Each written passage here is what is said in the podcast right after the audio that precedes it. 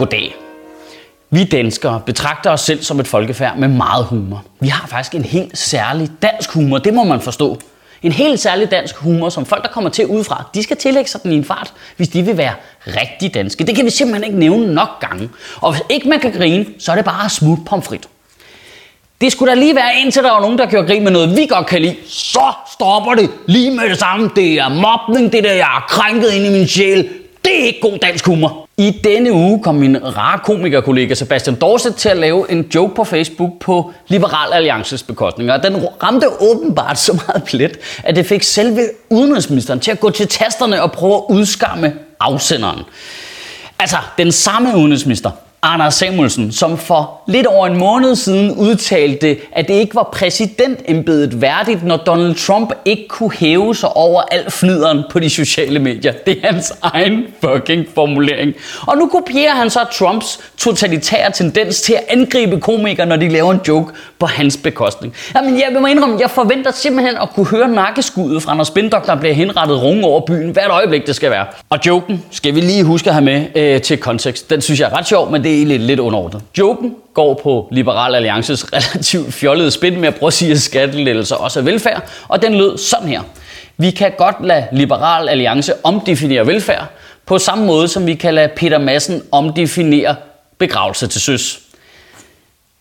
Det synes jeg skulle være okay, grineren. Øh, det synes jeg det er en ret øh, sprit aktuel joke med aktuelle referencer. Det kan jeg godt lide. Den er kort formuleret. Undskyld, jeg lige bliver teknisk i min analyse her. Det er også en klassisk øh, joke-konstruktion. Der, vi kalder den øh, en svar det ikke til joke, men den er samtidig øh, sprogligt kamufleret, så du ikke ser konstruktionen. Jeg vil sige 6 ud af 6 stjerner til den joke herfra. Ah, Michael, det mor i den ubåd er virkelig tragisk. Hvordan kan man gøre grin med sådan noget? Der er ingen, der gør grin med det mor i den ubåd i den joke. Den joke den gør grin med Liberal Alliances fjollede spin og sammenligner det med en formodet morders endnu dårligere spin for at slippe for straf. Og du må meget gerne forsvare Liberal Alliance, og synes man ikke må gøre grin med dem. Og du må meget gerne forsvare en formodet morder, og synes man ikke må gøre grin med ham. Men det der med at trække sådan noget skyld og skam heroverfra, der ikke har noget med sagen at gøre, så bare prøve det ned i et forsøg på at udskamme afsenderen til at tige stille. Det er simpelthen så mærkeligt. Jeg, jeg, jeg kan ikke regne ud, hvad det er, der sker inde i folks hjerner. Jeg, jeg har jo prøvet det tit selv, øh, rigtig ofte. Jeg kan ikke du kan ikke komme i tanke om et tilfælde, men det er typisk noget med, hvor man laver en joke, eller øh, hold kæft, man, øh, Thomas Treves anmeldelser er lige så behagelige som at få kraft i struben. Og så er det eneste folk, de hører, det ordet kraft. Og så slår deres hjerne bare fra, som du trykker på en knap. Bare sådan, man må ikke gøre grin med kraft. Det er der ingen, der gør. Jeg nævner kraft for at gøre grin med Thomas Treve. Det må man vel godt. Det er jo fuldstændig det samme reaktionsmønster, der kom, øh, da P3-programmet LOL.dk, som øh, overraskende nok fik 0% kritik for sit latterlige navn, men fik en masse kritik for at lave et segment, der faktisk havde ret fremragende koncept. Konceptet i segmentet var, vi er trætte af racistiske jokes, nu kan du ringe ind og fortælle dine gamle racistiske vittigheder en sidste gang, og så afliver vi dem, og så gider vi ikke høre mere om det. Men fordi folk bare hører, altså en racistisk joke ud af kontekst, så smelter folk bare, du ved. Det, der, det, det, det, det, det er jo kloge. Jeg har oplevet kloge og begavede mennesker. Det er som om, de bare tager en del af deres hjerne, bare tyrer ud i skraldespanden, inden de snakker om noget som helst. Bare, det er racistisk. Ja, det var meningen jo, så vi kunne gøre grin med det og slippe af med det, men nu snakker vi om det igen, fordi du er blevet krænket for helvede, altså. Jeg ved ikke, hvad det er helt generelt omkring humor, der bare indbyder til uanede mængder af dobbeltmoral. Jeg har simpelthen oplevet så meget af det gennem tiden.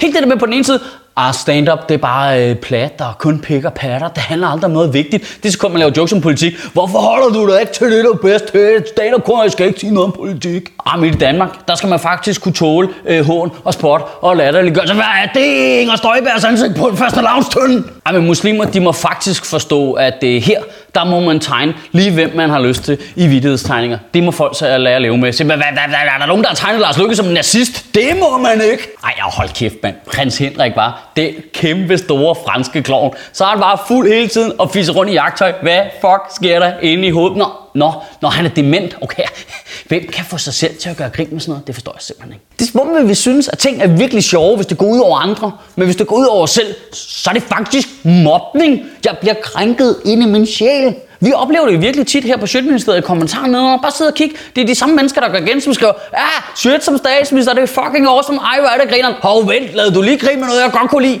Det er under vanlig standard. Det plejer at være meget bedre. Nej, det er det ikke. Det er nøjagtigt samme lave standard, som det plejer. Nu gik joken bare på dig. Lighten op, mand. Og faktisk er det værste, faktisk, hvis jeg lige skal være helt ærlig, det værste ved Liberal Alliances angreb på en stand-up-komiker var, at det var normalt den edge, som Liberal Alliance havde over for alle deres modstandere, om det var feministerne, eller venstrefløjen, eller øh, klimaforkæmperne, eller hvem de nu var op og skændes med, så var deres edge egentlig, at det jo normalt var deres modstandere, der blev krænket. Det var normalt modstanderne, der altid røg op med sådan en irriterende hylekummer.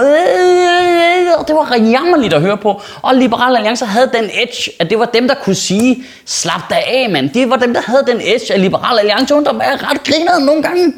Det var deres edge, men det er stille og roligt bare slut nu. Altså, når det mest liberale parti i Folketinget begynder at angribe komikere for vidigheder, mand. Jamen, så stopper festen. Det er som om Liberal Alliance bare er hellbent på at sælge ud af alle deres værdier, mens de sidder i regeringen. I ugen, der kommer, der synes jeg, du skal prøve at tænke på, hvor meget rart et sted verden vil være, hvis vi alle sammen koncentrerede os om kun at være krænket på vores egne vegne. Jeg ved, jeg ved godt, det lyder vanvittigt. Og jeg har ingen illusion om, at folk, der bliver krænket i det hele taget, forsvinder, fordi det er bare så rart. Altså, det kan jeg da godt genkende for mig selv af. Det er så rart at blive krænket. Altså, det, du, du, du, du, du kan mærke, at du har ret helt inde i din sjæl, altså det inde i hjertet. Og fordi det er en føleting, så er der ikke nogen andre, der kan komme og ændre den følelse. Du har bare ret. Jeg kender det godt. Jeg, falder, jeg er tit faldet i det hul selv. Jeg prøver at lade være. Jeg prøver at være indineret, fordi det opfatter jeg som en intellektuel ting, i stedet for at være krænket, for det opfatter jeg som en føleting. Og det, det er noget, jeg har snakket med min psykolog om at prøve at komme igennem. Men det kunne bare være fedt, hvis vi alle sammen prøvede ikke at blive krænket på andres vegne. Det, det, det, det vil fjerne så meget støj. Jamen altså, jeg tror måske i min 17-årige stand-up-karriere, der har jeg oplevet to eller tre gange, hvor folk har været berettiget krænket på deres egne vegne over noget, jeg har sagt. Og i alle tilfælde har det ført til en ret fed samtale, hvor vi har snakket om det, og jeg har lært noget som menneske. Men jeg har måske prøvet 800 millioner gange, at folk er blevet krænket på nogle andres vegne. Det er simpelthen så irriterende. Nej, men det synes jeg ikke, at du skal sige om dem. Okay, skulle vi lade det være en sag mellem mig og dem eventuelt?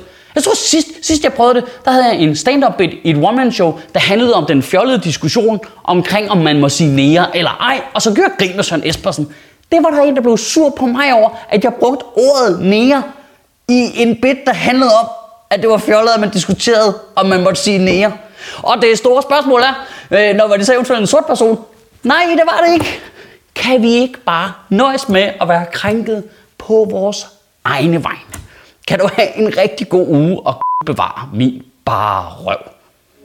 Jeg ved fandme heller ikke, hvad der er galt med mig, men når folk bliver så dumme og sure at høre på, så får jeg bare lyst til at ryste vips i bordet. Altså, jeg kan simpelthen ikke lade være.